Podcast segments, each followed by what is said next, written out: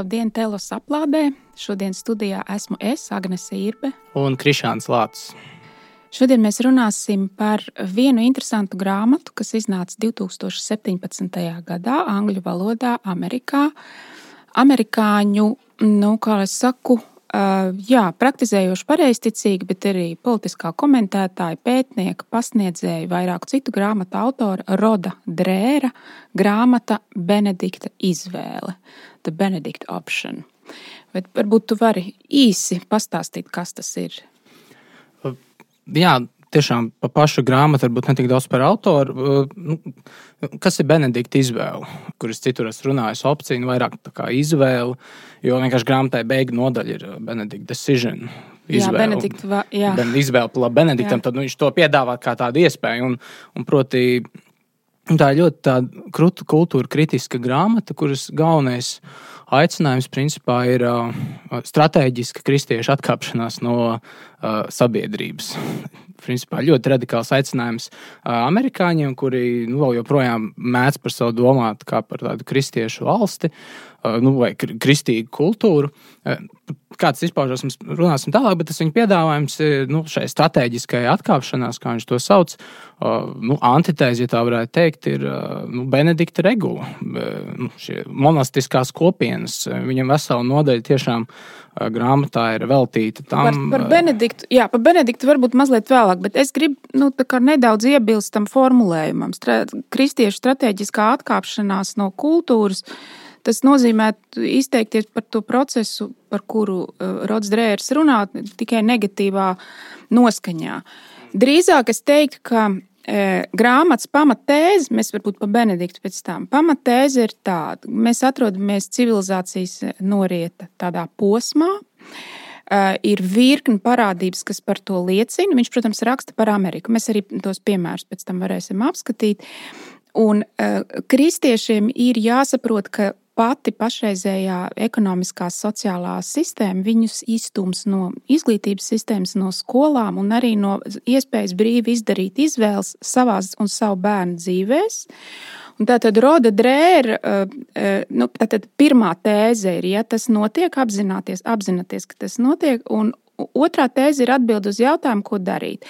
Un viņš pat runā, ne, nu, manuprāt, ne tik daudz par norobežošanos no uh, sabiedrības vai no Amerikas visas šīs politiskās vidas, eh, kā drīzāk alternatīvu kopienu radīšanu, mērķiecīgu veidošanu, alternatīvu skolu, alternatīvu citu biedrību radīšanu, kurā Pat mērķis ir pēc drēra domām ne tik daudz teiksim, pasargāt sevi un savus bērnus, audzināt tā, kā nu, šis kristīgais vecāks to vēlētos, kā saglabāt pašu civilizācijas un kultūras mantojumu šajos apstākļos. Ja, nu, No ASV kontekstā viņš eh, vairāk kārt gan ievadā, gan arī pēc tam tādā nodaļā par politiku. Uzsver, nu, kāpēc mums šie radikālie soļi jāveic. Jo uh, Viņa prāt, ASV vai rietumos plašāk ar standarta politiku, principā problēma vairs nav risināma. Viņa prāt, tāda kristīgs dzīvesveids, nu, vai tradicionāls, bet, nu, man liekas, jāuzsver, jā, ka tomēr arī šajā aplādā mēs runāsim konkrēti par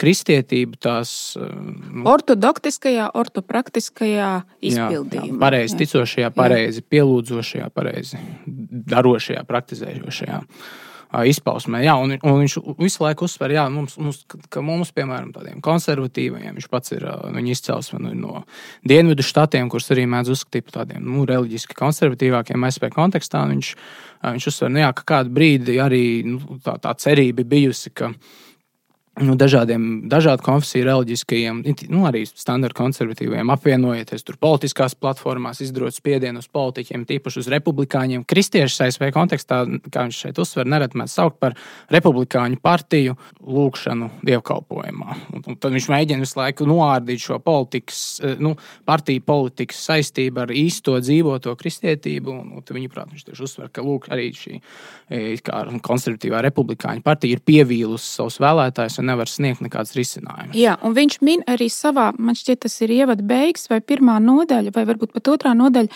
Viņš min vairākus ļoti spilgtus piemērus, kas arī man tagad pārlasot, gribās viņus atkārtot. Ja?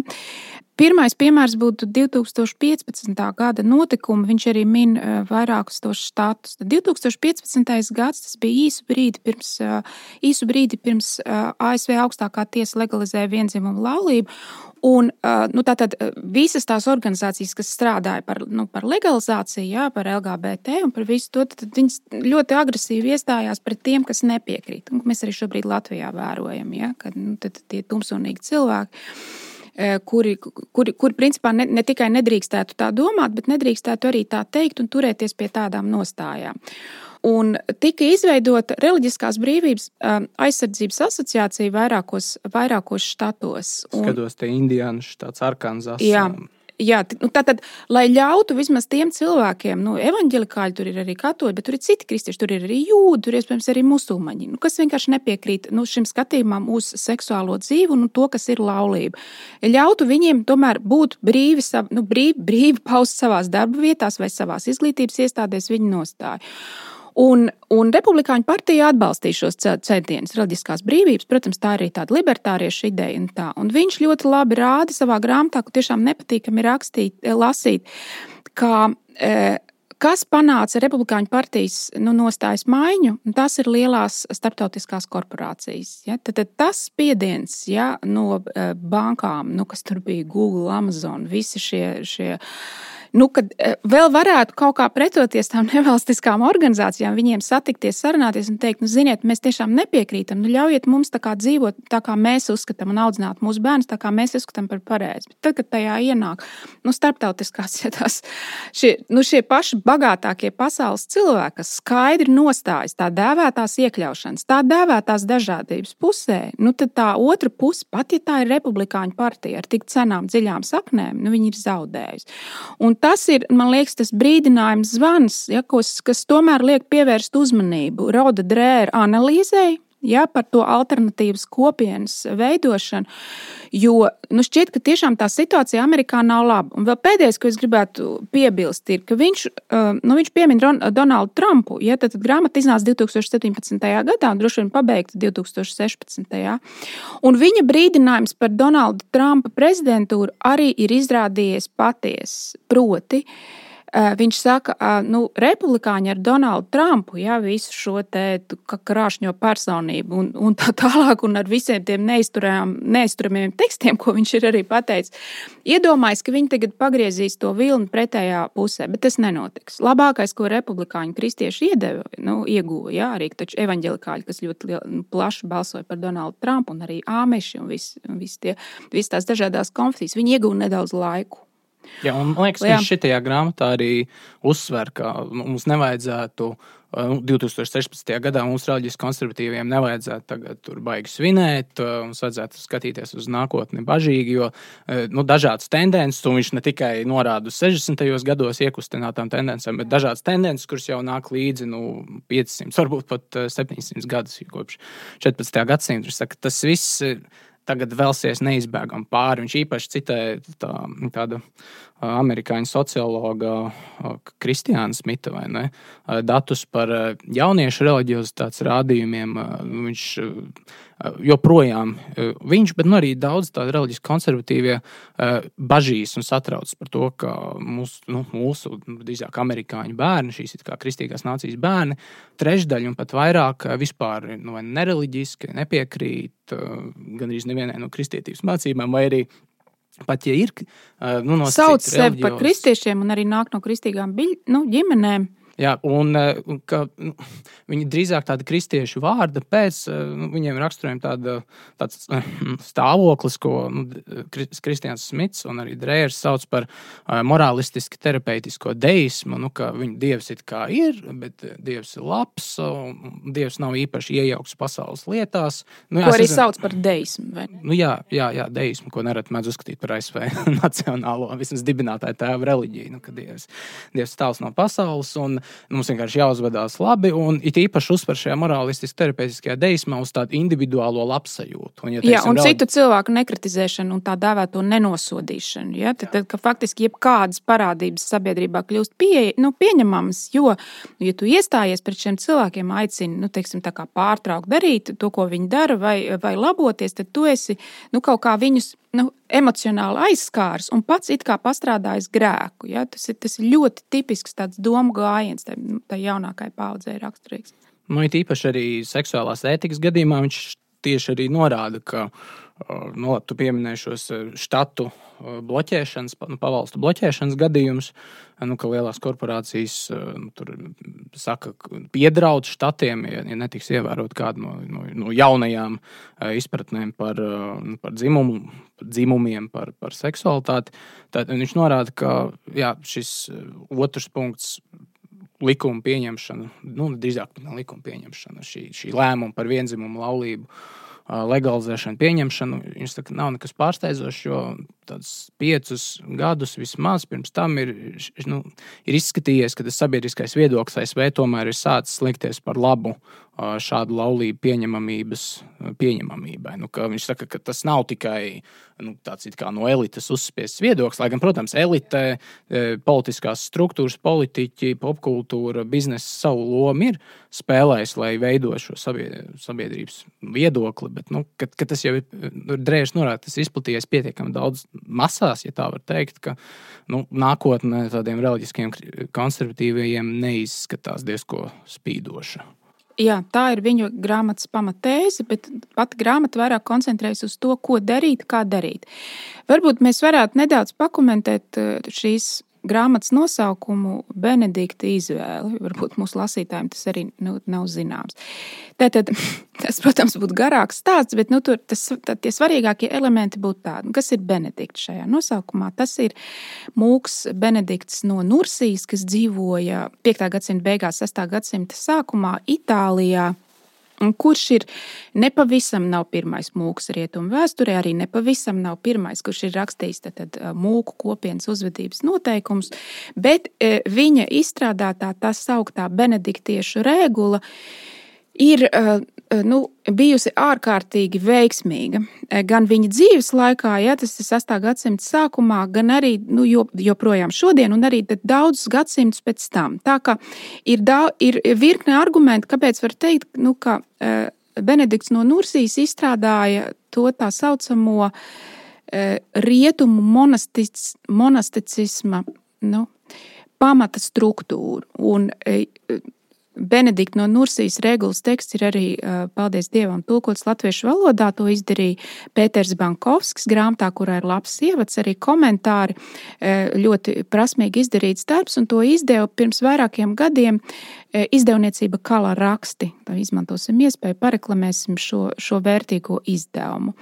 Es domāju, ka kāds cilvēks, kurš interesējas par, par, par mūku ordeņiem, ja, par to, to rietumu kārtību, visdrīzāk las, lasot šo tekstu, sapratīs, kāpēc Benediktu uzskata par rietumu monasticismu tēvu. Ja. Pirmkārt, regula ir ļoti mērena ir noteikumi, bet ir arī paredzēti izņēmumi. Jā, kādam, kas ir slims, kādam, kas ir vecs, jā, viņš tur, tur atbrīvots no gavēņa, viņam dažādi palīdz. Ja tur vairums mūku, tur nevar ēst tur sarkano gaļu, bet, ja kāds ir slims, tad viņam īpaši pagatavo. Un tad, tad ir orientēts uz kopienas, eh, Benedikta regula ir orientēta uz kopienas nu, ilgstošu pastāvēšanu. Ja? Tas nav tāds askēzes cikls, ja, kurā tikai, tikai paši spēcīgākie iztur. Nē, ja? tas ir tajā ir kaut kāds tāds civilizācijas veidošanas elements. Tad, tad pirmais, pirmkārt, tā ir ļoti mērena.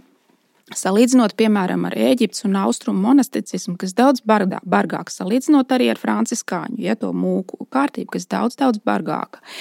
Tas ir pirmkārt. Otrakārt, Benedikts nodibināja savus, savu pirmo savus klosterus, nu, pašu pirmo, pēc tam, kad viņš bija trīs gadus pavadījis kā eremīts Alā, Itālijā nodibināja uzreiz 12, tad viņš bija spiests pārcelties uz citu vietu. Viņi tur arī mēģināja noindēt, un tur bija visādi arī gāja. Ja? Parasti tādas jaunu sistēmu radīšana nenotiek bez šķēršļiem un kaut kādām nepatikšanām. Bija ļoti veiksmīgs jau savas dzīves veidā, arī nu, galvenokārt uz to, ka tā ir sedentāra sistēma. Tie nav klejotāji moki, tie nav ubagotāji mūki. Atšķirībā no franciskāņiem un dominikāņiem, kas ir ubagotāji, klejotāji savos pamatos, pēc tam tas arī ir mainījies. Tad, tad viņi ir uh, sedentāri uz vietas. Un uh, tajā ļoti smagajos laikos, kad Benedikts no Nursijas dzīv, dzīvoja, tas ir 5. gadsimta beigas, kad tieši pirms 70 gadiem bija vandāļi ieņēmuši Romu, nodedzinājuši, izpostījuši, dramatiski kritās Romas iedzīvotāju skaits.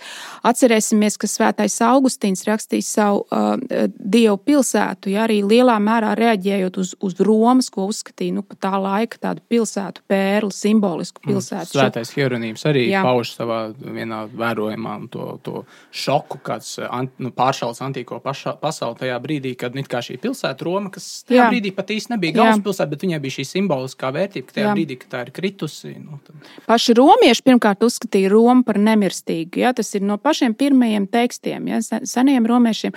Un arī kristiešiem tā bija tik nozīmīga pilsēta, ja? jo tur tātad Pāvils gāja bojā, tur ir pāvests sēdeklis, ja? tad tur vir, virkni šie ļoti spēcīgie simboli. Un tātad Romas krišana, bar, nu, barbaru, kā to laika teica, visi gatu rokās, ja bija milzīgi trauma visam tam laikam. Tātad, bet ko es gribētu uzsvērt? Benedikts, nu, izveidojot šo savu klosteru sistēmu, kas nebija Romā, ja, kas, kur viņam pat iespējams nebija nekāda ne tālējoša politisku, ne neformātoru mērķi, atrastamies uz vietas, strādājot ar vietējiem cilvēkiem, arī ap sevi ļoti daudz pulcēja. Un arī pulcēja ap klosteriem apmet veidojas ciemati, apmetnes, ja tur nāk cilvēki kaut ko lūdz. Ja, tad, tad mūki iesaistās arī tajā zemes apkopšanas, zemes, zemes kopšanas sistēmā, arī modernizē kaut kādus darbarīgus. Tad pie viņiem nāk cilvēki un saka, nu, jūs mākat lasīt, rakstīt, mums te apskatieties, kas mums apkārt karš notiek, varbūt jūs pamācat mūsu bērniem, tad, tad veidojās arī šīs skolas. Un pats beidzamais, tad, kas noteikti jāuzsver runāt, runājot par benediktiešiem, ir milzīgais uzsvers uz izglītību un grāmatu lasīšanu. Tad, tad Benedikta regulā, ja 6. gadsimta sākumā, katram mūkam katru dienu ir jālasa, ja tur neatceros, bija stunda vai vairāk. Klosteros ir biblioteka, no kuras izsniedz grāmatas. Tad, tad lasīt prasme ir obligāta. Un mēs vēlāk redzam, ka nu, Benedikts arī mainīja tās vietas. Viņa nozīmīgākais, tas arī pēdējais klosters, kur viņš gāja po, gāja bojā, ir Monte Casino milzīgais komplekss. Pati tur viesojos pirms trīs nedēļām. Uh, tas ir tāds milzīgs abatija kalnā, ja, kur ir grūti piekļūt. Un tur ir tas, nu, tā vairākas reizes degusi. Otrā pasaules karā viņi nobumboja, starp citu, sabiedrotie spēki tur kļūdas pēc, jo domāju, ka tur slēpjas vācieši. Un tā viss tā vēsture tā dramatiska, tā, bet nu, muzejs joprojām ir absolūti iespaidīgs. Ja. Mēs redzam e, no seniem laikiem, kā grāmatas, ka klosteri kļuva par grāmatu saglabāšanas centriem. Un tās nav tikai kristīgās grāmatas. Tur ir cicerons, tur ir senie grieķi, ja, tur ir pārku kopēšanas tās iespējas. Ja? Tur ir manuskripti, kas tiek, viss, kas tiek rakstīts ar rokām, ja apzīmēts ar rokām. Tad uh, Benediktam nebija, nebija tāda, tāda pārspīlēta prasība pret dzīves vienkāršību, ja? tāpēc arī piesaistīja ļoti labus arhitektus. Ļoti labus tur bija viena brīdi tās mozaīka grīdas, ir tā, tā laika spilgtākais vispār mākslas darbs. Lūk, un tātad tajā Benedikta nu, uh, radītajā modelī ja, tiešām redzam nav tie, tiešām nešķiet pārspīlēti teikt, ka grūtajos laikos, sabrūkot Romas impērijai, ja, un pēc tam visai tai, tai tautu staigāšanai, arī postīšanai, saglabāja kultūras mantojumu un nodeva tālāk. Kad līdz ko atkal viduslaikos bija iespēja tam visam plaukt, ja, bija labāka apstākļa, tad iznes to saulītē, nu, citas starpā nodibinot arī universitātes. Drērs turklāt, protams, to arī citi novērojuši. Viņš saka, viņš saka ka svarīgi paturēt prātā, ka nu, šie klosteri, šīs monastiskās kopienas, un tā skaitā arī baznīca kopumā, nu, tajā lūk, rietumu Romas daļā, kuras sabruka, kur tiešām nu, kāda centralizēta politiskā pārvalde atkāpās, un, un arī nu, civilā vai pilsoniskā autoritāte arī sabruka. Proti, šie klosteri un baznīca nu, principā pārņēma valsts funkcijas. Tas, ko mēs mūsdienās saucam jā, par valsti. Pilnīgi, jā, jo, nu, ir, protams, publiskā izglītība tas ir viens, bet arī uh, slimo un vārgo apkopšana, kaut kādas pamata patvēruma, daļai arī aizsardzības funkcijas. Uh, nu, bet, nu, arī, protams, šis, šis garīgais aspekts, vai ne? Garīgais aspekts, dieva pilsēta, tajā brīdī, kad laicīgā pilsēta ir sabrukusi vai atkāpusies. Jo, man liekas, tas ir nu, tāds, tāds klasisks. Uh, nu, tāds katoļu formulējums, ka baznīca ir, nu, kā latīniski saka, societas perfekta. Jā, pilnīgotā sabiedrība. Jā. Un, nu, jā, un kur pastāv pat par sevi, kur, nu, principā, jā, ka uz baznīcu arī, nu, arī šīm, šīm monistiskiem kopienām varētu skatīties kā uz tādām mazām uh, valstiskas sadzīvošanas kopienām. Tas nav kaut kas tāds tur neitrāls un pats par sevi vai privāti interešu kopiena, ka tur ir daudz lielāks uzsvars uz kopienas veidošanu, kopienas dzīvi un veidošanos. Bet vēl viena lieta, liekas, ko arī šī nosaukuma sakarā ir svarīgi uzsvērt, un arī ko Dreigers vairāk kā šajā grāmatā uzsver, proti, uh, viņš pamato, kāpēc viņš vispār atsaucās uz, uz Benediktu. Uz Benediktu, uz Benediktu vai ne? Uh, proti, kāpēc uh, viņš atsaucās uz tādu diezgan slavenu skotu filozofu Alsdēru Makentāru. Uh, filozofu, kurš tā varētu teikt, rietumos no jauna atklāja vai no jauna pacēla saulītē no visu klasisko, aristotelisko ētikas, vispār tikumu ētikas um, skatījumu. Jā, paradigmu. paradigmu. Un, uh, un viņš atsaucās Dreigers uz Makintēra faktiski slavenāko grāmatu 1976. gadā. Liekas, ka ir, man, ir, man ir izdevums, kurš ir 80. gada. Bet tas ir papildinātais. Tas ir papildinātais, jā. Bet vispār Makintēra grāmata ir sena. Tā ir vismaz, nu, pagā, nu, jau būs 40 gadi, nu, jā, vai ne? Ir vismaz, jā. Un, lūk, un šajā grāmatā, nu, arī ko Dreigers uzsver, pašas grāmatas beigās, kur uh, Makintērs grāmata saucās After virtue pēc tikuma, kur Makintārs parāda, kā rietumos uh, pakāpeniski nu, kopš viduslaikiem, nu, drīzāk jaunajos laikos, ir izirusi vispār val, ma, izpratni par morāli, ka mums nav vairs tādas kopīgas uh, uh, valodas, kopīgi jēdzieni, kopīgas izpratnes, kuros runāt par labo, par pareizo, par likumīgo. Mums ir nu, tāda, tāda diezgan, diezgan sašķelta vispār izpratne par morāli.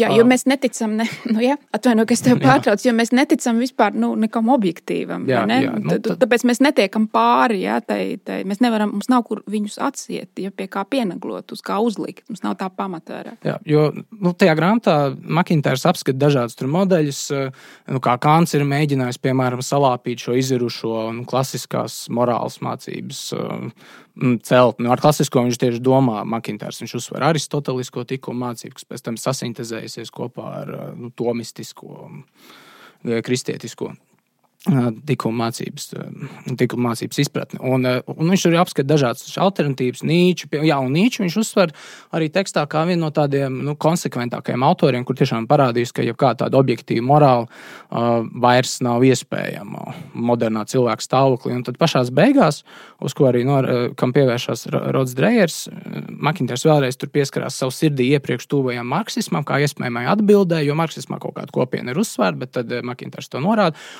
Beigās Makintārs principā saka, jā, ka barbari nevis stāv pie vārtiem, bet mēs jau kādu laiku dzīvojam barbaru vadībā. Un vien tas, kas mums varētu izvest ārā no šī barbarisma, kurš varētu piedāvāt tādu alternatīvu vispār kopīgās dzīvošanas modeli, būtu kāds jauns Benedikts. Jā, jauns, varbūt negaidīts, jā, negaidīts un arī ne, negaidītās izpausmes veidos izp, nu, teiksim, sevi parādošs Benedikts, ja, kurš parādās nezinu no kurienes. Jā, lūk, tieši tā ar šādiem vārdiem eh, beidzas tiešām ļoti ietekmīgā filozofu, kurš joprojām ir dzīves. Makintāra grāmata pēc tikuma ļoti daudz komentēta. Latvijā, zinu, ir vismaz viens, iespējams, pat vairākas doktora disertācijas, nu, vai, vai maģistra darba, vai disertācijas par Makintāru.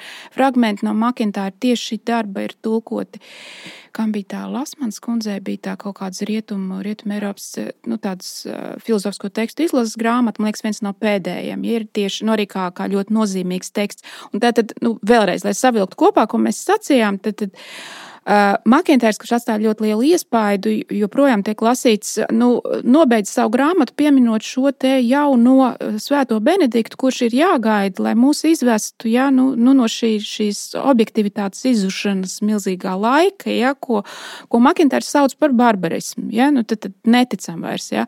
Un, uh, un, un no turienes tad, nu, tad varētu teikt, ka Roda Drēra grāmata 40 gadus vēlāk, ja, kā jau uzsvērām, ir tagad saka, nu, ka šis ir tas brīdis, kad nu, nu, to, to Benedikta darbu vajag sākt darīt. Labāk nav kļuvis, ir kļuvis vēl sliktāk. Es varu vēl papildināt nedaudz par Makintāru. Proti, nu, kas ir tas produktīvais, nu, pozitīvais, ka, ko viņš, ko faktiski Makintārs, manuprāt, beigās iekodē šajā Benedikta personā. Jo visu iepriekšējo tekstu līdz tam brīdim Makintārs piedāvā, nu, kā vajadzētu izskatīties šai objektīvās morāles tādai ainai, ka šī morāla, proti, nav nav individualistiska, viņi netiek dzīvot tur nu, paši savā dabā. Tā vienmēr ir iekļauta kādā noteiktā kopienā.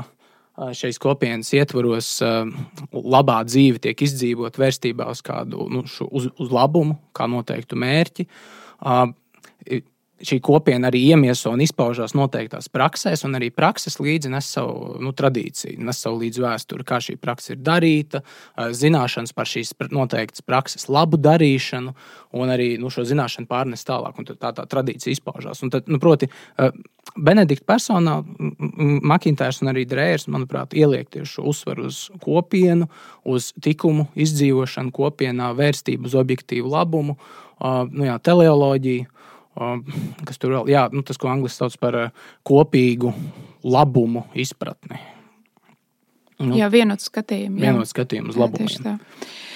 Um, Vai ir kaut kas, ko mēs vēl gribētu komentēt par grāmatas, zini, varbūt ne uzbūvi to nākamajā uh, daļā, bet uh, es gribētu no savas puses pateikt, ka es pirmo reizi lasīju, man šķiet, arī 2017. gadā, kad grāmata iznāca. Nu, pat arī bija viena brīdi Amazon bestsellers vai tuvu tam, jā, tas bija nu, nozīmīgs teksts.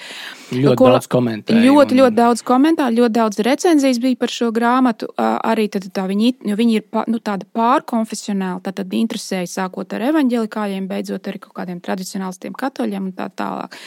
Un tolaik, kad es šo grāmatu izlasīju, biju, nu, neatceros, vai es, nu, neteiksim, gluži skeptiski, bet, jā, man laikam tomēr šķita šī nostāja pār, nu, pārspīlēta. Nu, kā, nu, tik traki jau nav, vai kaut kā tā, gan jau būs labi. Vai, nu, tas jau, ka kāds par to domā, par plānu B, ja, ja kristieši tiek pilnīgi izstumti no universitātēm, no skolām, nevar audzināt bērnus tā kā paši uzskata nu, par labu. Ja, nu, ka mēs varbūt vēl neesam tajā, bet, ja nonāksim, tad ir ļoti labi, ka ir tāds rodas drērs, kas tā tiešām tā konstruktīvi, par ko arī runāsim nākamajā sarunas daļā, nu, pie, nu, piedāvā, ko darīt, nu, ko darīt, kā tikt ārā, nu, slīgs tas kuģis, kur liekamies.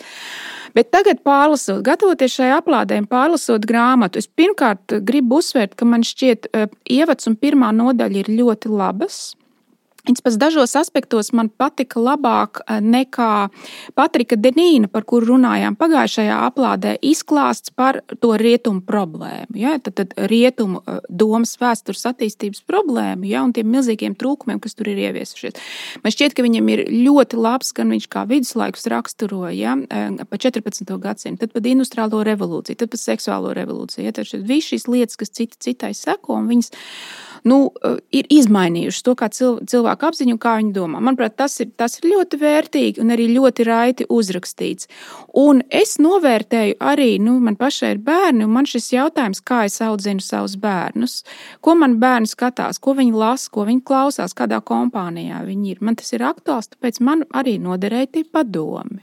Nu, īstenībā šobrīd arī daudziem konservatīviem tas viens no pirmajiem dzinuļiem vispār nu, sāk domāt, ko darīt tālāk. Un arī Rots to uzsver. Un, un šobrīd arī tāds ļoti slavens autors, par ko mēs varbūt kādreiz parunāsim, Soraps Amārī, jaunā bestsellerā, kā viņš saucās. Par, par pavadienu. Tur tā grāmata bija par pavadienu. Un Broken Thread, jā. nesalauztais pavadiens, kur viņš arī nepārplēstais. Un, nepārplēstais. Jā, un uh, gan, gan Rots, gan arī Sohraps, viņi uzsver, viņu, ka viņu vispār skatījums par uh, savu novietojumu, par vispār pašreizējo politisko un arī metapolitisko tā saucamo situāciju, mainījās tajā brīdī, kad viņiem piedzima bērni. Proti, viņi sāk sev uzdot jautājumu, ko, ko maniem bērniem nozīmē dzīvot pasaulē, kurā ir nu, šāds morāls haoss, morāls neskaidrība, tik daudz kārdinājumu, kur var novest no ticības ceļa. Un arī tādi atklāti absurdi. Viņš tajā, tajā iz, nu, 2016. gadā tikai garām ejot eh, pieskaras, ja, kā nu, tai eh, dzimšu daudzumu skaita šim jautājumam, kā tas nonāk skolā. Ja, un, kad cilvēki bērniem reāli tiek mācīts, ka vienam bērnam ir trīs tēvi, ja, pilnīgi absurdas lietas, pilnīgi neloģiskas, nesakarīgas lietas. Un tad tas tikai sākās. Mēs redzam, ka kopš grāmatas iznākuma brīža, ja, nu šobrīd vispār tā ir dogma, pat nevar skolas pat nevar nu, neiekļaut šo tā dēvēto dažādības un iekļaušanas to apmācību. Ja? Tur ir vesela nodaļa par to, ja? Kad, kā darīt cilvēkiem, ka viņi nepiekrīt šai, šai mācībai par cilvēku uzbūvi, par cilvēku seksualitāti un par bērnu tiesībām. Un ka, ja viņi tam nepiekrīt un nav tajā apmācības programmā pieregistrējušies, viņi riskē zaudēt darbu. Man šķiet, ka nu, kopš drēra laika ir vēl sliktāk Amerikā ar šo. Jā, pirms četriem gadiem likās, ka nu, tas transseksuāli jautājums būtu tas lūzuma punkts, un te viņa aptem mums progress apstāsies. Cilvēki teiks, nu nē, nu tiešām jūs mēs tagad nu, iznīcināsim visu sieviešu atletismu, sieviešu sporta veidus, un kāpēc mēs apstājamies. Ja? Nē, nav cilvēks, nedefinē pats savu dzimumu. Ja? Tu nosaka kaut kādu objektīvu kritēriju. Pat ja tas kādā aizvaino, ja? mūsu sabiedrībā ir jāturas pie šiem objektīviem kritērijiem. Mēs tagad redzam, ka tas nenotika. Tas, tas vienkārši vai ne. Un te ir savā ziņā tā, tā roda trēra, nu, tas, tas pareģojums ir piepildījies, diemžēl. Pirms ejam pauzēs, varbūt arī savu attieksmi, pat pastāstīšu par savu attieksmi pret grāmatu. Protams, tajā brīdī, kad šo grāmatu izlasīju, uh, Uh, nu, es gandrīz pilnībā piekrītu šīs grāmatas tēzē, jo, nu, nu, es nezinu, tas varbūt, uh, nu, negribās teikt, ka tā ir neofīta deksme, jo es pievērsos kristietībai, man liekas, jau pirms kādiem desmit gadiem. Bet, nu, principā tajā brīdī, 2017. gadā, es visnotaļ piekrītu grāmatas tēzē, pēc tam sāku lasīt citu uh, veidu literatūru, un tad es skatījos un domāju, nu, lūk, tur Trumps un, un, un citi politiskie spēki, kas ir ievēlēti tajā brīdī bija ievēlēta Eiropā, nu, ka varbūt tomēr kaut kāda iespēja mainīt uh, lietas uz labu no augšas var sekot. Nu, un, un, un kādu brīdi arī Trumpa administrācijā tā iespēja parādījās, jo ļoti ietekmīgos amatos, piemēram, nu, kas saucās tas Attorney General. Tas ir ģenerālprokurors. Ģenerālprokurors diezgan augstos tādos juridiski administratīvos amatos nonāca principā īsti tādi reliģiski konservatīvie. Tur bija štais, sessions, tur bija bars, un nu, tiešām nu, cilvēki jau tieši, uztraucās nu, progresīvi progresīvie liberāļi, nu, ka viss tulīt, tulīt jau reliģiskie mums uzspiedīs uh, savus neizvēlētos pienākumus un tam līdzīgi. Bet uh, nē. Principā piepildījās tas, ko Rots šajā grāmatā norādīja, ka tas vilnis, uh, un arī reaģējot kaut kādā ziņā uz Trumpa administrāciju, tas vilnis vēl vairāk aizvēlas vēl radikālāk. Principā, jā, tas ir noiets etaps, un kā Rots vairāk kārt uzsver šajā grāmatā, nu, ka kultūra kari ir zaudēti. Jā, konservatīvie zaudējuši faktiski visos jautājumos. Bet uh, par to, ko darīt pēc nelielas Vāgnera pauzes.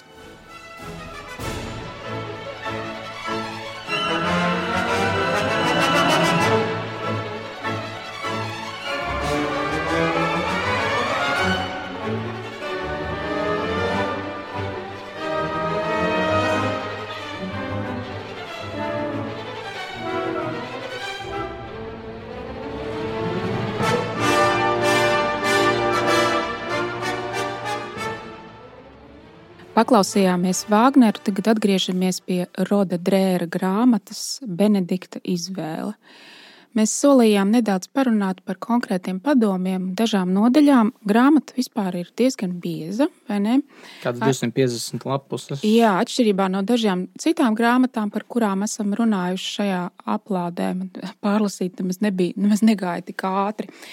Krišjāna, vai ir kāda nodaļa, kurai tu gribētu pieskarties nedaudz padziļinātāk? Nu, kā meistarīgākais šajā grāmatā ir tas, kā viņš parāda, ka viena tur varbūt izolēta, nesvarīga nu, protams, arī nu, no pasaulīgā skatu punkta, kāda ordeņa regula, ka viņi var izrādīties politiski relevanti. Bet nu, tajā politikas nozīmē, kā Rots šajā grāmatā to domā, nu, kā kopienas un veidojoši un tikuma veidojoši. Tur nu, par to varētu daudz runāt. Tiešām kā kārtība pret nekārtību, disciplīnu un, un tos visus punktus. Bet man liekas, ka mēs varētu parunāt. Ir, ko darīt jau esošā, nu, nu, nu, tā ir ceturtā nodaļa grāmatā, jauna veida kristīgā politika. No vienas puses viņš grāmatā eh, saka, mēs neko vairs nevaram darīt esošās politiskās sistēmas ietvaros, bet no otras puses viņš saka, ka kaut ko mēs varam darīt.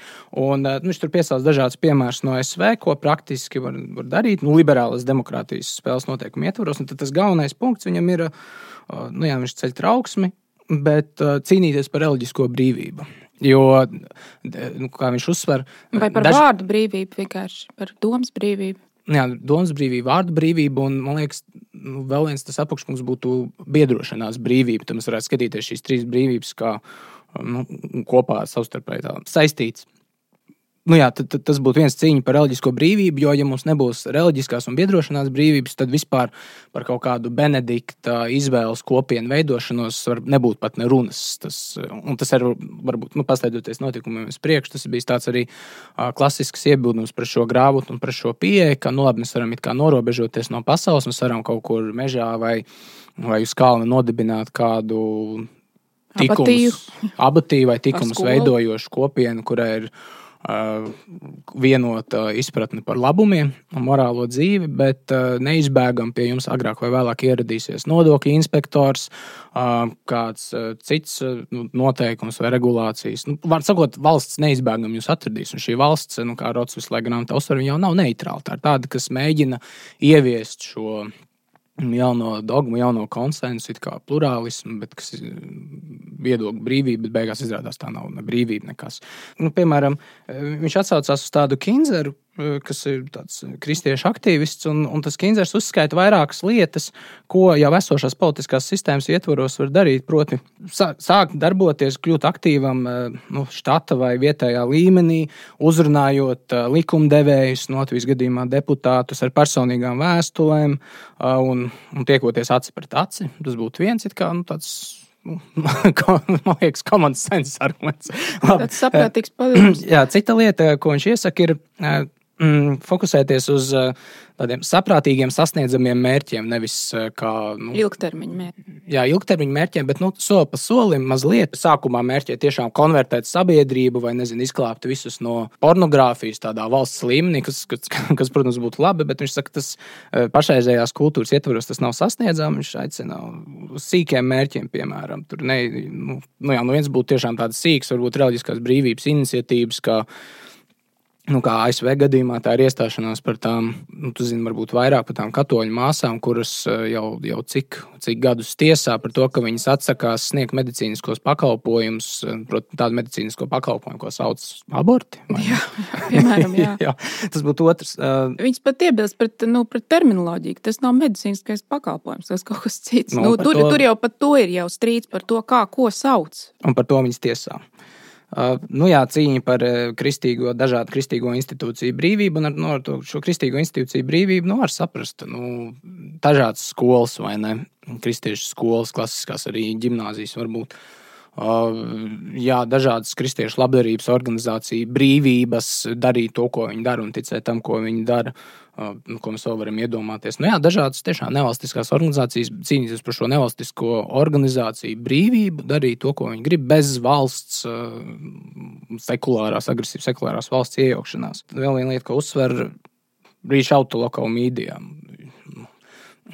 runāt ar medijiem vairāk, padarīt savu, savu, sevi kā kristiešus vairāk redzamākus tiešām sabiedriskajos medijos, uzstāt uz kristiešu pārstāvniecību kaut kādos nu, apaļajos galdos, diskusijās, vietējos radiokanālos, televīzijas raidījumos un, un tam līdzīgi. Tas, nu, tas arī saprātīgi palikt pieklājīgiem un cīņpilniem, arī cīnoties par reliģisko brīvību. Un, Nu jā, tie ir vairāk tādi norādījumi, bet nu, tas, ko, ko var darīt pašreizējās politiskās sistēmas ietvaros? Jā, tā bija interesanta nodaļa tieši tajiem, saistībā ar tiem padomiem. Man nozīmīgi bija septītā nodaļa par mm, kristiešu ģimeņu bērnu audzināšanu. Ja? Tajā, šajā nodaļā ir arī tāds spilgts padoms, kas droši vien nevienu neatstās vienaldzīgi. Nu, faktiski, varbūt ir kaut kāda izņēmuma, un tad nu, Rods Drērs mēģina arī nu, tā neagresīvi izteikties, bet principā viņš saka, nu, es esmu nonācis pie slēdziena ka bērnus, ja jums ir bērni, jūs paši esat kristieši, šos bērnus vajadzētu izņemt no valsts skolām un ievietot, nu, tad, tad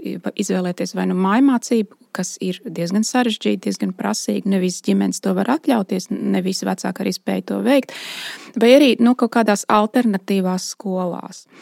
Tas ir tāds spēcīgs padoms, un arī man ļoti patika, kā viņš izvērsa šo, šo jautājumu, sakot, ka uzmanieties arī no tā saucamajām kristiešu skolām, ja, un kristīgajām universitātēm. Ja, un, uh, gan, gan, katoļu, gan katoļu skolās ir problēma, ja, jo viņas ir arī aizgājušas liberālās kristietības virzienā, šur un tur, ne visur.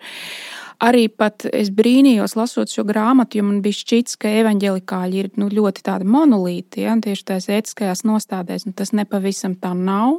Jā, arī tur ir mācību iestādes, kas īstenībā vairs nav kristīgas, kurš tikai nes to kristīgo vārdu.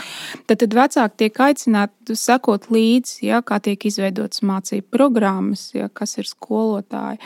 Ko tu saki par tādiem provokatīvākiem padomiem jā, tieši šajā nodaļā? Jā. Ko tu saki par pirmajā brīdī, lasot, izklausās radikāli? Sekojiet līdzi savu bērnu kompānijām, draugu lokam. Jā, tas šķiet radikāli. Laiku. Nē, nepavisam nē. Nē, nepavisam nē. Jo tas tā būtu pat, ja es nebūtu kristieti, ja, un man nebūtu nu, kāds tāds mūsu vecākiem. Mēs abi esam praktizējuši kristieši, nebūtu arī nu, tiesas tās savas sarkanās līnijas. Tas tā būtu visos gadījumos. Nu, un arī ir tā, ka citreiz nu, tie, nu, tie bērni, ja, kas, par kuriem tev šķiet, ka viņi nu, neatstāja labu iespaidu ja, uz citiem bērniem. Viņi citreiz paši nāk no šīm ļoti stingrām kristīgām ģimenēm. Tā pasaule ir sarežģīta. Ja, bērnu attīstības posmi ir ļoti sarežģīti. Tur ir kaut kādas. Man ļoti patika arī grāmatā Roda drēra tāds aicinājums nelikt arī ilūzijas uz to kristīgo vidi. Ja? Tas arī spēcīgi tomēr tēdz. Ja? Nepadarīt un, par elku. Jā, ne, nepadarīt to par elku. Un viņš ļoti godprātīgi nu, apskata arī tos, ko mēs sauktu par sliktajiem piemēriem. Ja? Un ir vairāk, tur ir intervijas arī tajā grāmatā, un tiek atstāstīts, ko cilvēks stāsta. Un, ka, piemēram, ir bijušas Nu, šiem vecāki ir ļoti stingri, ja kādā konfesijā, ja, vai pareizticīgo, vai kādā citā. Un, tomēr tā, tas nav, pirmkārt, tas tam bērnam ir kaut ko atņēmis, ja, un nav to bērnu sagatavojis būt, nonākt konfliktā ar to, ja nonākt kaut kādā citā vidē, kur ir cits skatījums, ka viņam nav to rīku rokās, ja, ka viņš nezina, ja viņš pēkšņi tiek izaicināts kaut kādu radikālu atšķirīgu skatījumu, viņš ir gandrīz tādā schizofrēniskā stāvoklī. Tur ir arī intervijas ar cilvēkiem, kas ir nu, sarūktināti par to, ko vecāki ir mēģinājuši dot, sarūktināti par to, ka vecāki ir mēģinājuši viņus nu, ieslodzīt savā veidā, ja, tādā ļoti šaurā. Un tas ir arī dažām konfesijām ir raksturīgs vairāk nekā citām. Nu, ka, piemēram, baidās dot mm, jauniešiem, ne tik daudz bērniem, tas būtu saprotami, bet arī jaunoš, jauniešiem dot kā kādu sliktu literatūru uh, lasīt. Pat, ja ir, nu, pat ja šī literatūra ir daļa no, no kanona, ja, vai nu, ja, ne, tas varētu, varētu arī būt nu, tad tā piemēra. es neatceros, kur tas bija. Tas bija mēs pagājušajā reizē runājām par Denīnu grāmatu. Jā, tur bija arī tā, tā, tā, tas interesantais paragrāfs, par ko jā, mēs, mans, mans arī raksturīgi, jā, rietumu filozofijas kanons vai ne. Bet tur ir iekšā viss, protams, apgaismības autori, jā, kas mums noārda visu mūsu tomismu sistēmu, viņai uzbrūk. Un, un kad tur, nu, tam cilvēkam, nu, tam jaunietim ir nepieciešama ļoti liela tā bagāža, ja, lai viņš sašķirot tās lietas, redzētu argumentus, redzētu, kur arguments strādā, ja, kur kur nestrādā. Ja? Un, tad, un veids, kā viņu nu, padarīt par izglītotu cilvēku, kurš ir gatavs, piemēram, aizstāvēt savu pozīciju un argumentēt, nu, tas veids nav audzināt viņu vidē, kur viņam ir pieejama tikai nu, reliģiska, garīga literatūra un nekas cits. Ne? Tas ir bijis arī viens tās klasisks pārmetums, varbūt šai grāmatai, kur arī patiešām uh, pats Rots Drejers ļoti labi apzinās, un vēlāk arī savā blogā ir par to reflektējis. Proti, viņam ir arī blogs iekšā, nu, tāda amerikāņu izdevuma, American Conservative, kur viņš pats Rots ļoti daudz reaģē uz saviem lasītājiem. Viņš tāds Jā. ļoti miedarbīgs autors, viņš arī daudz rakstītājs, ko viņam nereti mēdz pārmest. Bet viņš, viņš, viņš, tem... piedod, viņš varbūt pat daudz, viņam ir nodaļa par nu, šo mūsdienu informācijas tehnoloģiju izmantošanu. Man ir sajūta, ka viņš pats pat daudz atrodas internetā. Jā, vai ne? Nu, tas klausītājiem, liekas, arī svarīgi jāuzsver, ka viņam, viņš ļoti daudz arī šajā grāmatā vēršas pret tehnoloģiju, Jā. kā to, kas eh, būtiski ietekmē, formē mūsu domas un arī nu, mūsdienu gadījumā arī deformē mūsu domas. Viņš uzsver nu, to, no tiem praktiskajiem soļiem, regulāri rīkot eh, arī savā tiešām ikdienas ģimenes praksēs, digitālos, nu, moderni sakot, detoksus, nu, tādas kā askējas, saturēšanās. Nu, bērniem arī pro, īpaši viņš, protams, rosina bērnus turēt pēc iespējas tālāk no uh, vietāluņiem, viedierīcēm, bet viņš saka, arī mums pašiem vecākiem jārāda kāds piemērs, bet, nu, vai rots, tas bija jautājums, vai rots pats rāda piemēru. Bet, uh, ko es sāku stāstīt? Jā, ka uh, viņam daudz lasīt lasītājs sūta savas, um, savas pārdomas par to, ko Rots raksta. Uh, viņš nereti, nu, nereti saņem tiešām arī tādas.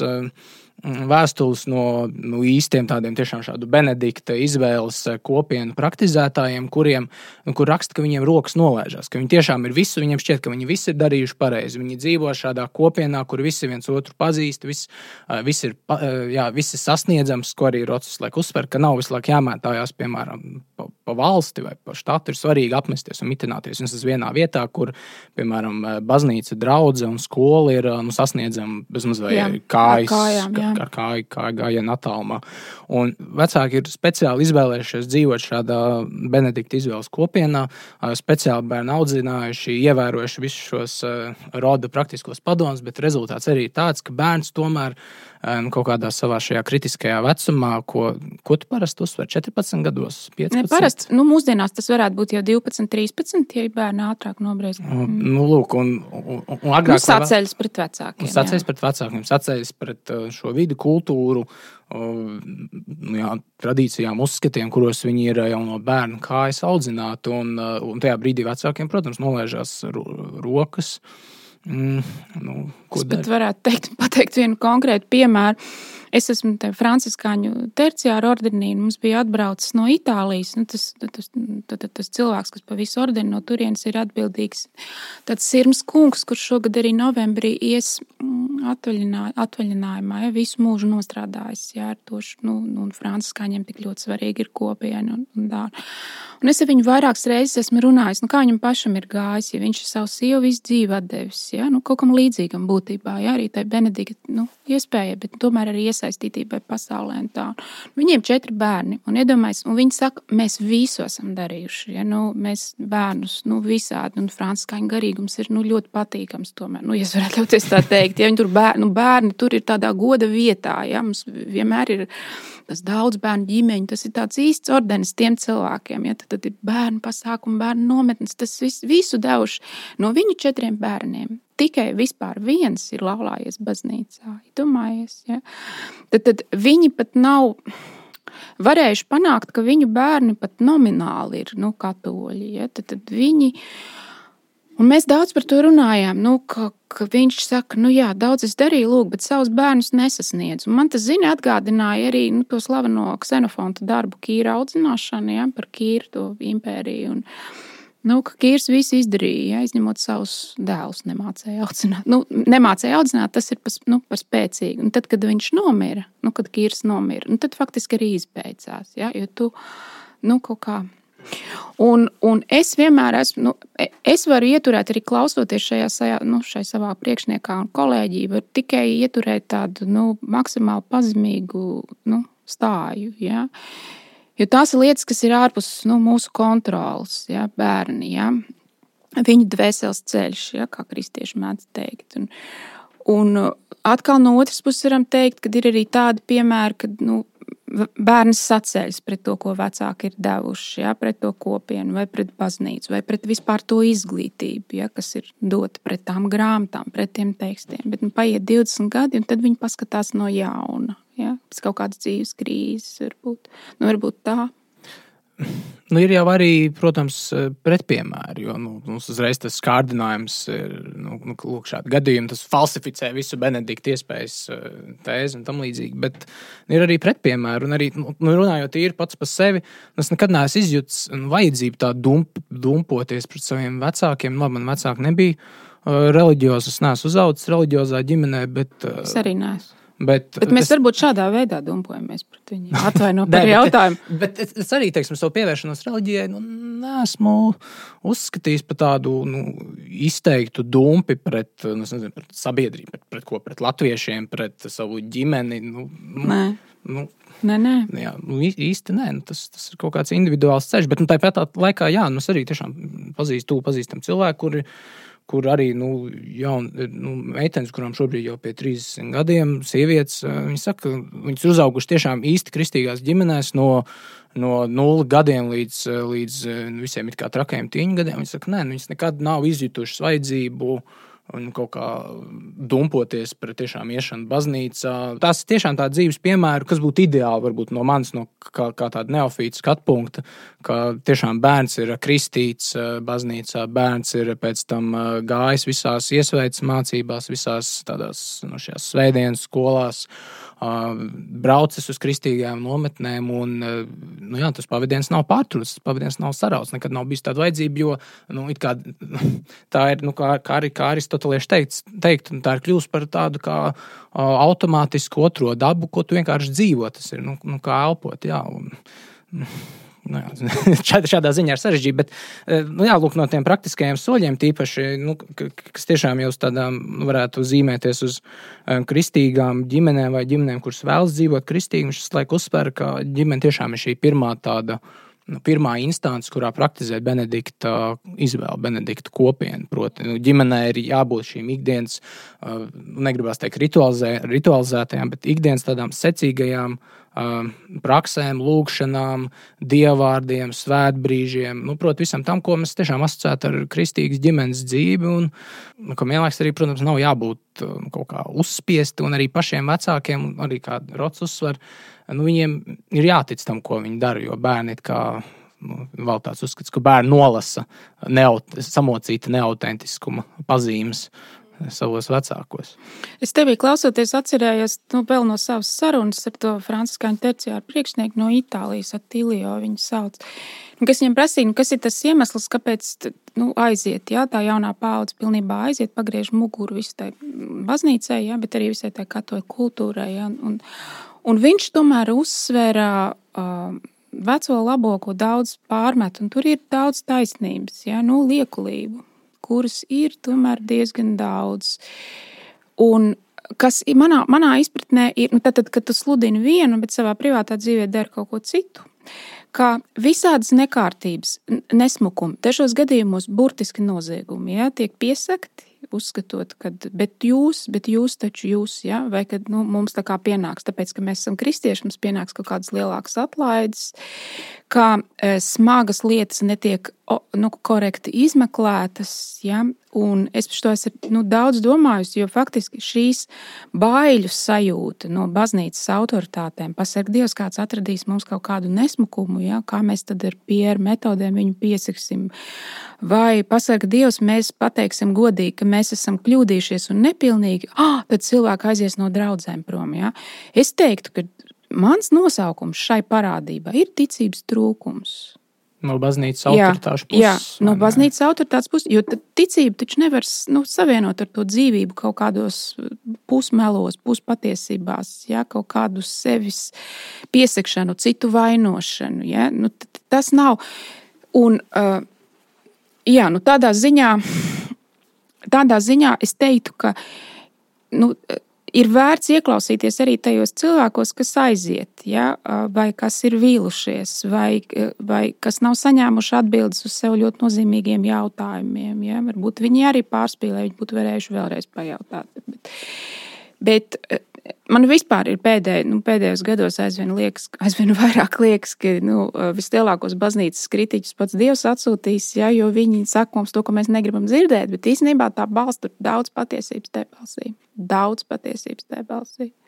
Vēl par tādiem praktiskiem soļiem, pirms mēs pārējām jau mm, sarunas beigu fāzē, nu, par kaut kādām reakcijām un kritiku uz grāmatu. Man liekas, tas, nu, tas kas man patīk un iekrīt acīs, kā cilvēkam no Austruma Eiropas un postpadomju telpas, ir uh, proti, lielā loma, ko viņš tā struktūrāli atv atvēl savā grāmatā padomju disidentiem. Proti, viņš atsaucās, uh, mūsdienās viņš arī ir, uh, viņam jaunākā grāmata ir uh, Live Not by Lies, nedzīvojiet melos, tā atsauc uz Solženicinu. Tā grāmata, nu, nu, tā ir, man liekas, pagājušajā gadā arī tāds gandrīz bestsellers viņa, kur viņš uh, arī reaģējot, nu, faktiski, jā, nu, tā grāmata ir uzskatāms par tādu turpinājumu šai Benedikta izvēlei, kur viņš intervē dažādus padomju, nu, jā, padomju bijušos disidentus šo disidentu radiniekus, par, nu, uzdodot proti, jautājumu par praksēm, nu, kā jūs izdzīvojāt cauri šai melu varai. Ar to viņš proti, domā nu, mācīties no šiem padomju disidentiem, kā pārlaist nu, šo barbarismu, vētru vai jūru, kurā mēs šobrīd esam. Un, nu, dažs, nu, un mēs redzam, šajā grāmatā ir tāds agrīns ievirzes, kuras Drēžs turpina vēlāk. Protams, viņš atsaucās uz nu, konkrēti, viņš iztirzā Havelu un Vaclavu Havelu, čehu disidentu, slaveno bendu arī Vācijā bendu. Man, man patīk tie sīkie konkrētie piemēri, ko darīt. Tiešām, ja kādreiz arī Latvijā mēs nonākam tādā situācijā, par to mēs varam parunāt, vai mēs Latvijā dzīvojam, vai, vai šī grāmata vispār ir aktuāla Latvijai. Proti, nu, kā tiešām tādiem nu, kristiešiem, tradicionālistiem dzīvot kultūrā, kura ir diametrāli pretēji tam, kam tu tici un ko tu praktizē, un tam, ko tu uzskati par no objektīvu morālu labumu. Un, nu, lūk, viņš, viņš, viņš piesauc šo klasisko mm, Havela izmantoto dzīvošanas patiesībā piemēri, kas var izpausties arī pavisam mazos soļos. Piemēram, Prāgā notiek nu, kaut kāds mītīņš, kur, kuros komunisti vai, vai cilvēks maršē pa ielām ar saukļiem, visas pasaules strādnieki apvienojoties vai savienojoties. Un, un tad viņš iztēlo šo dārzeņu pārdevēju, kurš var izdarīt kaut, kaut ko tik vienkārši kā neielikt savā veikala logā uh, nu, transparentu vai zīmi, kas, kas nu, teiktu to pašu arī slavēto partiju. Vai, nu, kaut vai tik īsi, tik, tik mazi nelieli tādi pretestības soļi. Uh, tas vismaz ir nu, pat ne pretestības, vienkārši nepiekrišanās, nesadarbošanās, nesadarbošanās soļi, ka tas jau ir daudz. Un, man liekas, ka šajā ziņā tiešām nu, amerikāņiem kaut kādā ziņā varbūt tas būtu grūtāk, bet nu, mums, mums Austrumē, Eiropā un varbūt arī nu, bijušajās tādās nacistu okupācijas valstīs nu, mums ir pieredze. Nu, kā jā, kā nesadarboties jā. šādos sīkos mm. soļos, kaut ko nedot nodevas, nezinu, kaut ko nepirkt, varbūt boikotēt. Nu, jā, tāds varbūt sīks, neliels pilsoniskās nepakļaušanās prakses, ko nu, jā, viņš sauc par dzīvošanu patiesībā, pat ja visapkārtējā. Mm, vide, kultūra, pat arī valsts un valsts struktūras iemieso pārstāv nepatiesību. Nu, vai veidot, protams, pa, nu, viņš dažādi, to dažādi apskata nu, veidot jā, šīs sīkās subkultūras, kaut kādas lasīšanas, pulciņas, jā, klasiskās izglītības pulciņas. Protams, tāda ekstrēma piemēra, piemēram, veidot samizdatus. Es nezinu, mūsdienās vēl mēs neesam tur, bet. Nu, nu, mēs esam ļoti tuvu tur, Krišjā. veid, veidot samizdatus, jā, kaut kādas pagrīdes universitātes, starp citu, kur arī uz Čehiju un Poliju Rodžers Skrūtons arī brauc pasniegties šādās pagrīdes universitātēs, kuras nu pilnīgi zem oficiālās varas iestāžu radariem notika. Un, Nu, jā, es tagad to stāstu un pats domāju, nu, jā, tas tā ir ļoti radikāli. Margina, tā, jā, tā pieredze, ka tas ir marginalizēts. Jā, bet uh, tas jautājums, kas ir arī tava izklāsta, tā teikt, fonā, ir. Kādā veidā Amerikas situācija, ja, par kuru raksta Rods Drērs, atšķiras no Austrumēropas bijušo padomju republiku situācijas šobrīd, ņemot vērā, ka mums blakus ir Polija, Ungārija, ir Slovenijas piemērs ja, ar, ar šīs klasiskās izglītības iedzīvināšanas mēģinājumu caur jaunu koledžu. Brains Laps arī nu, portālā Telos publicēja par to tādu, pagar, nu, tādu izvērstāku rakstu. Vai tu, vai tu negribi pakomentēt par to, kur mēs esam šobrīd Latvijā? Nu, es esmu jaunāks par tevi. Man, un, un, un, labi, mēs abi neesam auguši reliģiskās ģimenēs, bet atšķirībā no ASV Un arī Latvija šajā gadījumā atšķirās ne, no Polijas, jo Polijai tomēr eh, nacionālā kultūra vienmēr bija cieši saistīta ar kristietību. Tas ir Polijas gadījums, kaut kādā ziņā arī uh, Rietumu Ukrainas gadījums. Tas ir. Es nezinu, kas vēl nu, jā, Lietuvas, Lietuvas vairāk nekā Latvijas. Savās, jā. mm.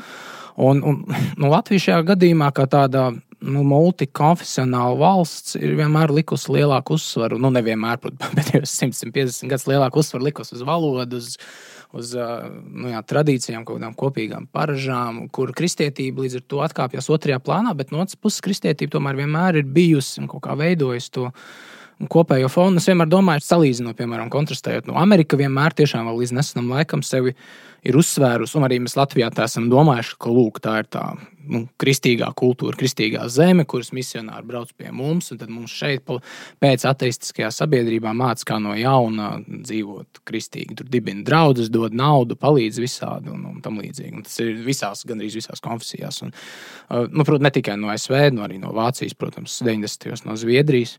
Uh, bet nu, man tas iespējas bija tāds, ka Latvija jau nekad īsti nav bijusi nu, kristīga valsts, kristīga kultūra lai gan, protams, 90. bija tas nu, kaut kāds reliģiskais pacēlums.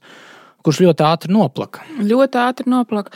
Ir tāda pilnīgi neticama stāsta, kas es dzirdēju, ka tur 90. gados tur jaunas meitenes aizbrauca uz Vāciju, stāsties klosterī pa mūķinēm. Iedomājieties, kāds reliģiskais, jā, pēc pāris gadiem gandrīz viss atbrauc atpakaļ, izņemot vienu. Nu, kaut, nu, tā, jā, bet, šāds stāsts netrūkst. Jā, bet eh, no otras puses, es domāju, gribētu teikt, ka uh, tādi kristieši, un arī, piemēram, parunājot ar, ar citiem cilvēkiem, tādi kristieši vismaz lielā daļā sabiedrības izskatās kaut cik pozitīvi, kaut vai tāpēc, nu, pateicoties tam, cik lielu lomu kristieši spēlēja atmodas procesos tomēr. Tiesa, jā, tiesa, tas, jā. Tas, tas kaut kāda morāla autoritāte tajā brīdī bija uz vispārējā padomju tādu relatīvi morālā pagrimuma un tas, nezinu, vardarbības un, un, un pelēcības fona. Un, kaut kādā ziņā tas areāls ir saglabājies un Latvijā, bet tā skaitā dīvaini arī daudz neticīgākajā Igaunijā joprojām, piemēram, ir normāli, ka nu, baznīcu galvas vai nu, tāds zināms ietekmīgs mācītājs aicina uz, nu, nezinu, piemēram, uz, uz valsts televīziju, kas ASV. Uh, nu, jā, ASV tomēr ir federāla valsts, bet ASV tas ir arvien mazāk, manuprāt, iedomājams. Jā, bet, bet Latvijas gadījumā, atvaino piebildīšu, tas ir arī saistīts ar konkrētām personībām.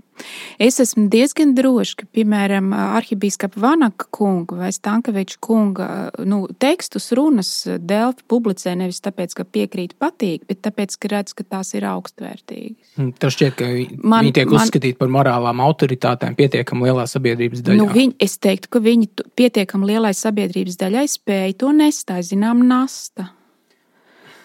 Jo, jo, jo vēsturiski ir bijuši visādi biskupi. Nu, jā, visādi jā. gājas ir tādi, ka, nu, ka tas tiešām nav nu, publicējams. Jā, tas tikai kristīgai, nu, tādai šauri konfesionālajai publikai, jā, tas ir viņiem veltīts. Bet, piemēram, Vanagungs jo īpaši spēja runāt uz plašu sabiedrību. Nu, manuprāt, jā.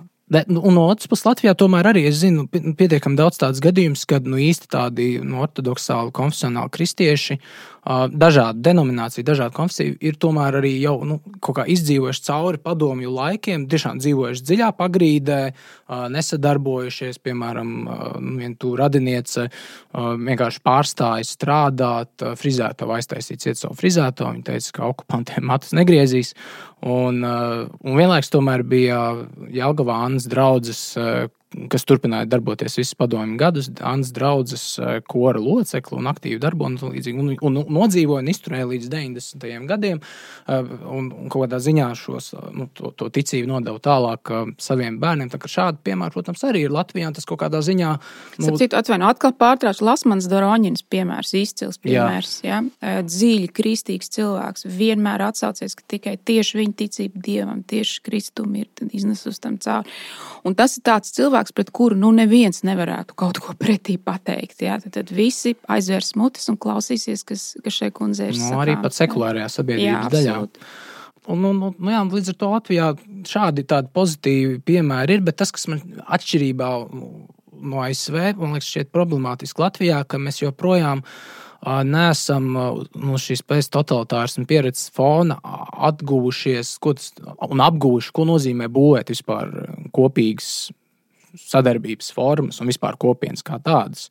Nu, protams, nu, nu, jā, nu, katoļu baznīcā, tas, mm, arī Latvijas katoļu baznīcā ir klosteri, un, un, un jums ir, jums ir skola, lāja organizācijas, lāja organizācijas un viss kaut kas. Skolām labi iet diezgan starp citu.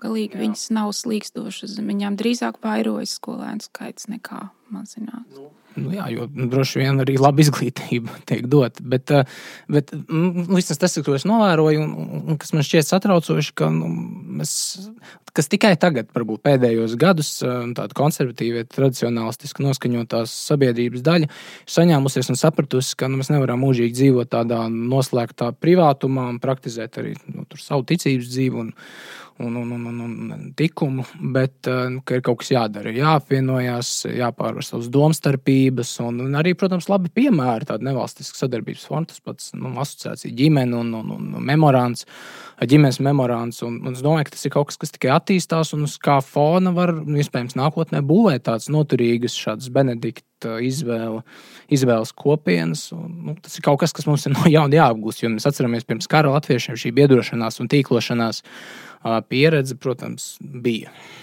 Jā. Un tas ir arī izaicinājums visiem. Ja? Jo viena lieta ir nu, sēdēt šeit un runāt par to, cik nu, vajag sarunāties ar citiem cilvēkiem, vajag veidot kopienas, vajag tajos jautājumos, kur ir vienprātības, un tu dari kaut ko kopā būvēt. Tā, bet, kā, mēs ar tevi arī esam nu, tajā saucamajā memoranda grupā, ja, kas strādā tagad ar referendumu jautājumu. Tad zinām arī to iekšējo sarakstu un tās sarunas, un arī zinām, cik ļoti grūti iet. Ja, jo tad, tad ģimenes, dabīgās ģimenes aizstāvības jautājums ir uz šo brīdi nu, mēģina, tiešām ļoti mēģina. Ja apvienot visus cilvēkus, ja, kas citos jautājumos nebūtu nav domu biedri, un arī politiskās savās nostājas nebūtu nav domu biedri. Ja. Nu, tur tā tad ir tas nu, nacionālists tiska kons, nu, konservatīvais spārns. Ja. No otras puses ir krievalodīgie. Ja. Tad, tad tam pirmajam spārnam ir gandrīz vai iebildumi pret to, ka, nu, ka tiek arī krievu valodā izplatīta kaut kāda bukleta vai kaut kas tamlīdzīgs. Ja. Un tas ir tā ir nopietnas saruna, ja, jo viņi redz tajā, nu, ka ja pārāk daudz piesaistīs krievalodīgos cilvēkus, tad atkal caur to varētu būt risks, ka tur ir kaut kādas divvalodības, nu, kaut kādas ja, vēsmas parādās. Un tā, un viņiem tas ir ārkārtīgi svarīgi, ja tā latviešu valoda. Ja, un šie cilvēki cilvēki ir spiesti nu, būt pie tā viena galda un sarunāties par to. Gan citos jautājumos, tad, tad ģimenes jautājumā viņi ir viensprātis. Vai, teiksim, nu, arī šai, šai konservat, nu, tā, sociāli konservatīvo grupā arī tomēr ir daudziem atšķirīgs viedoklis no vakcinācijas jautājumā, ja, par tiem ierobežojumiem. Ja, pavisam atšķirīgs. Ja tur ir arī. Un tas, šī, es pati to sev arī uztveru, nu, kā tādu arī strādājot ar multiportāla autoriem, nu, ir nozīmīgi iegūt šo pieredzi. Kā tas ir, ka tu cilvēku ļoti cieni un vienā jautājumā jūs viens otru papildināt, runājot, jā, un esat pilnīgi uz vienas nu, teiksim, platformas, un citos jautājumos nu, pavisam nevarat saprasties. Ja, un ir tik interesanti par to domāt, kāpēc tas tā ir. Un tomēr man nu, šobrīd es teiktu, ka mūsu pieredze ir laba ar to tīklošanos un, un to kopienu veidošanu. Kaut kāda cilvēka apvainojas, atbirst, aiziet, ja neatbild vairs neceļ telefonu, jo nu, nav pieņemami. Ja, bet citi nu, tā kaut ko norīja paliek, turpinām, darām kopā. Man liekas, ka. Jā, es teiktu, nu, ka tas ir tas, ko tu man liekas, esi kaut kad uzsvērusi.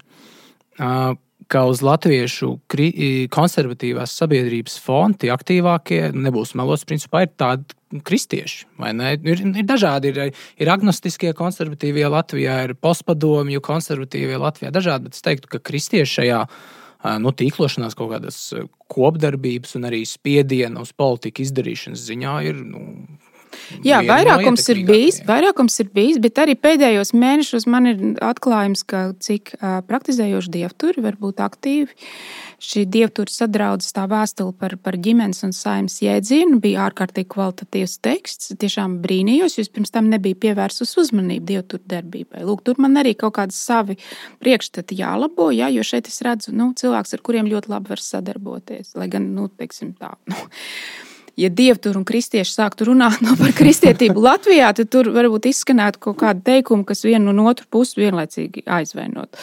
Bet, Krišjāna, mazliet novirzījāmies, nobeigsim pāris teikumos par Roda Drēra grāmatu. Jā, es, es, es arī aizmirsu piebilst to, kas, manuprāt, ir galvenā atšķirība. Nu, arī tāda optimistiska, varbūt atšķirība.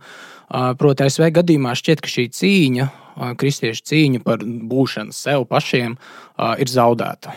Jā, tāds vismaz ir Roda Drēra skatījums. Tas viņa skatījums, un man liekas, nu, es arī piekrītu. Bet nu, Latvijas un lielas daļas Austrumēropas gadījumā nu, šķiet, ka šī cīņa šobrīd notiek. Viņa vēl nav zaudēta, bet šobrīd nu, var visādi vēl pavērsties, var visādi vēl atrisināties. Un, un tieši šādā ziņā no Roda Drēra grāmata varētu, īpaši arī no Austrumēropiešu, arī mums latviešiem, tādiem krotisk, praktiskiem piemēriem, uh, nu, dot padomus, nu, ko darīt. Uh, nu, jā, arī lai šo cīņu uzvarētu, jo tas nav tikai zaudējušās padoms, kā zaudēju, zaudējušai pusē izdzīvot, tas ir arī nu, kaut kādā ziņā tāds padomu kopums. Uh, nu, jā, kā uzvarēt cīņu, vai vismaz kā noturēties cīņā, pietiekami cieņpilni.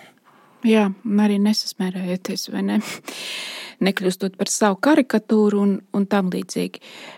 Aicinām lasīt šo grāmatu, vai ne? Man arī ļoti patika tas pētnieciskais darbs, ko Drērs bija ieguldījis, bija sajūta, ka viņš ir apbraukājis pusi pasauli, intervējis ja, šīs it kā alternatīvās kopienas. Viņam ir ļoti daudz datu savāktu par Itāliju, ja, par mūsdienu benediktiešiem, kā viņi tur dzīvo, par mūkiem. Tas sarunas ļoti labi aprakstīts sarunas, ar mūkiem. Tieši tā, sarunas ļoti labi aprakstīts. Tad arī Amerikā viņš ir pie visiem aizbraucis arī ar, ar, ar dažādu skolu vadītājiem, arī ticies ar bērnu mājmācības pulciņu kaut kādām koordinācijām, ja, kad ir cilvēki pilnīgi salūzuši, viņiem atnāk. Un tur tie stāsti arī diezgan baisi, kad jaunais bērns atnāk mājās un paziņo, ka tur trešdaļa klases meiteņu ir biseksuāls, un es arī visdrīzāk esmu. Tas, tas bērniņš pavisam maziņš cilvēks. Domāju, nu, kā vispār skolā kaut kas tāds var būt? Kur mēs esam nonākuši? Vecāki pilnīgi nav sagatavoti. Ja? Un tad nākamais solis ir, kad nu, tas bērns saka, ka viņš vairs nav savā dzimumā, bet viņš visdrīzāk ir bezdzimuma vai kaut kas tamlīdzīgs. Un tad tu salūsti, un tad nu, izņem no skolas, un tad tagad mājmācība. Un tad ir jautājums, kur ņemt grāmatas, kur, kur ņemt padomdevējus, ar ko sākt, jā, kā to visu organizēt, kā, kā to arī finansēt. Jo tas vecāks, kurš nodarbojas ar mājmācību, taču nevar strādāt to algoto darbu. Tad tur ir virkni visādi jautājumi. Bet es gribu uzsvērt, ka ir vērtīgs materiāls. Ja, arī nu, Latvijā mums ir dažādas alternatīvās grupas, ja viņas ir būt maziņas. Nu, bet... Tas, ko viņš uzsver, atrast šos līdzīgi domājušos. Proti, Jā. mums ir. Viņš atgādina, ka šādi cilvēki ir, nu, kuri grib audzināt savus bērnus, un Benedikta izvēles kopienu ietvaros. Un, uh, un tas, kas jādara, ir nu, jāatrod, jāatrod līdzīgi domājušie cilvēki. Tad jāskatās, kā kopā nu, mesties un panākt lietas. Jā, labi. Šodien studijā bija Agnēs Irbe un Krišāns Lācis.